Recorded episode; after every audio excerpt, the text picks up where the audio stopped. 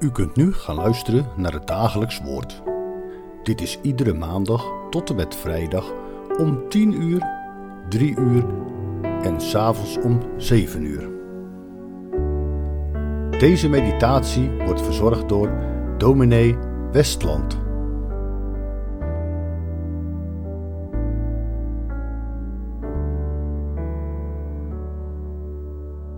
Beste luisteraar, fijn dat u weer luistert naar Dagelijks Woord. Wij willen nu samen een gedeelte lezen uit Marcus 4 vanaf vers 35. En op die dag, toen het avond geworden was, zei hij, de Jezus, tegen hen: Laten wij overvaren naar de overkant. En zij lieten de menigte achter en namen hem, die al in het schip was, mee, en er waren nog andere scheepjes bij hem.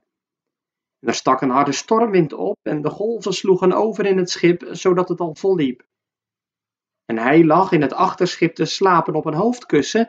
Ze wenkten hem en zeiden tegen hem: Meester, bekommert u zich er niet om dat wij vergaan? En hij, wakker geworden, bestrafte de wind en zei tegen de zee: Zwijg, wees stil. En de wind ging liggen en er kwam een grote stilte. Hij zei tegen hen: Waarom bent u zo angstig? Hebt u dan geen geloof? En zij vreesden met grote vrees en zeiden tegen elkaar: Wie is deze toch, dat zelfs de wind en de zee hem gehoorzaam zijn? Kent u dat oude zondagschoollied? Scheepje onder Jezus hoede met de kruisvlag hoog in top. Dat gaat even verder. Al slaat de zee ook hol en hoog en zweept de storm ons voort, wij hebben vaders zoon aan boord. En veilig strand voor oog. Een prachtig lied. Een bemoedigend lied. Een lied vol vertrouwen en verwachting. Wij hebben vaders zoon aan boord en veilig strand voor oog. Maar wat nu als vaders zoon aan boord ligt te slapen? Kun je dan te midden van alle stormen nog steeds rustig verder varen? Die ervaring doen de discipelen op. Een dag lang heeft de Heer Jezus gepreekt en onderwijs gegeven over het koninkrijk van God.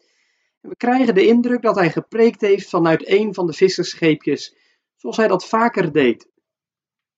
En dan aan het eind van de dag zegt hij tegen de discipelen: Laten wij overvaren. Zo gebeurt het. Samen met wat andere scheepjes waar de andere discipelen in zitten, varen ze naar de overkant. En ineens begint het geweldig te stormen. Schuimkoppen worden groot, hoogwerpende golven zich op. Met grote kracht slaat het water tegen het schip. Ja, het water slaat al over het dek heen en het schip begint vol te lopen. Met grote snelheid raast de wind over het dek. Het is echt zo'n typische stormwind, die er wel vaker was op het meer van Galilea meer van Galilea door bergen omringd is als een kommetje. Plotseling komt dan de wind vanuit de noordkant en het valt op het meer neer. binnen no time gaat het geweldig tekeer. Wie zich op een stormachtige dag bij het strand waagt, die kan daar echt van onder de indruk zijn hoe groot de golven zijn en hoeveel krachten er vrijkomen als het stormt. De discipelen proberen uit alle macht het schip vooruit te krijgen, maar het lukt hen nauwelijks. Intussen slaapt de Heer Jezus. Wat dat betreft is hij ook echt mens. Hij heeft lang gepreekt en dat vraagt ook van hem inspanning en daarom heeft hij nu rust nodig. Hij slaapt. Niets menselijks is hem vreemd. Intussen loopt de spanning bij de discipelen hoog op. Dit gaat niet goed. Straks vergaan ze. En Jezus ligt te slapen. Heeft hij nu echt niks in de gaten? Of gaat de Heer Jezus op deze manier juist voor in het vertrouwen? Het vertrouwen op God zijn Vader, dat hij kan slapen, ook al stormt het, omdat Vader zorgt. Zoals dat vertrouwen ook doorklinkt in Psalm 3. Ik lag en sliep gerust van zeren trouw bewust. Het zal intussen maar gebeuren. De storm zweept voort en Jezus ligt te slapen. Dat gevoel kun je in je eigen leven toch ook wel eens hebben. Als er tegenslag is, wanneer ziekte zich aandient, of er komen grote problemen op je werk, dat je denkt, heeft de Heer het niet in de gaten? Houdt Hij zich afzijdig? Waarom grijpt Hij niet in?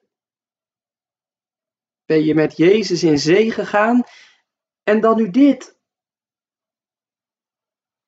Dat zijn intussen ook van die momenten dat het er echt op aankomt.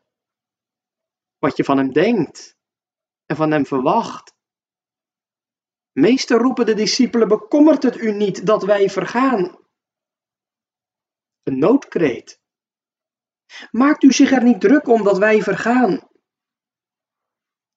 Horen ze zichzelf niet praten? Vroeg ik me af, als ze zeggen, wij vergaan. Wij vergaan. Zou de meester door deze stormwind omkomen? Denken ze dat nu echt? Of, of zijn ze toch vooral met zichzelf bezig? En toch een roep aan zijn adres. Zalig, die door de nood gedreven zich tot hem om troost begeeft. Kijk, daar staat hij op. Hij bestraft de wind en tegen de zee zegt hij: Zwijg, wees stil. In het Grieks valt er een woord dat te maken heeft met muilkorven. Hij muilkorft wind en zee. Het is opvallend dat deze woorden ook klonken in confrontatie met een demon. Helemaal vreemd is dat ook weer niet als we bedenken dat wind en storm voor een Jood in die tijd niet zomaar iets was. Ze verbonden dat met allerlei kwade machten en krachten. De Heer Jezus laat opnieuw zien: ik ben sterker. Ik sta erboven. Ik heb het in handen. Ik ben God bekleed met macht. Hier treedt de Messias op, gestuurd door God, namens God. Ja, de Messias is de zoon van God. Tegen hem moeten de machten het afleggen. Terwijl het water weer spiegelglad is en de wind zich niet meer laat horen, klinkt een zacht preludium. Het is het preludium van Pasen. Straks gaat hier Jezus naar het kruis. Hij gaat de strijd met de machten aan. Hij gaat onder om te redden van dood en doem. Hij gaat de dood in om de dood de das om te doen. Hij staat op als de grote koning. Met recht klinkt de heerlijke jubel uit zijn mond. Mij is gegeven alle macht in hemel en op aarde. Hij vaart naar de hemel en vanuit de hemel regeert hij met macht en majesteit. Het loopt hem ook vandaag niet uit de hand. Met hem kun je naar de overkant, de veilige haven. Ook al gaat het door de stormen heen, stormen van tegenslag en teleurstelling. Zijn er de bange vragen in je leven en de grote onzekerheden? Dat de kracht van de boze zich heftig voelen, lijkt het wel of de Heere slaapt. Meester, bekommert het u niet dat we vergaan? Die roep kan zomaar uit je hart gegrepen zijn.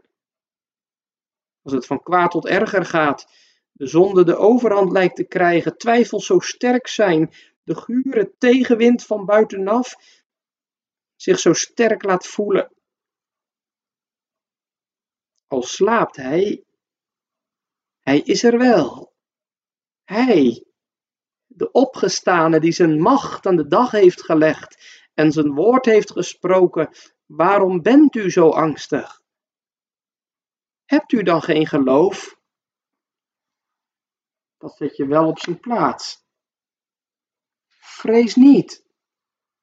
Geloof alleen. Stel je vertrouwen op de Heer Jezus, al gaat het door nood en dood. Hij is er ook doorheen gegaan. En hij heeft overwonnen.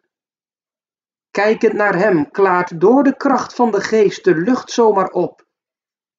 Wie is toch deze?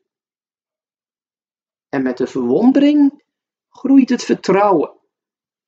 Achter hem aan kom ik er ook doorheen, omdat hij me meeneemt. Kom, zei hij tegen me, laten we naar de overkant gaan. Hij brengt me veilig in de haven. Vertrouw op hem.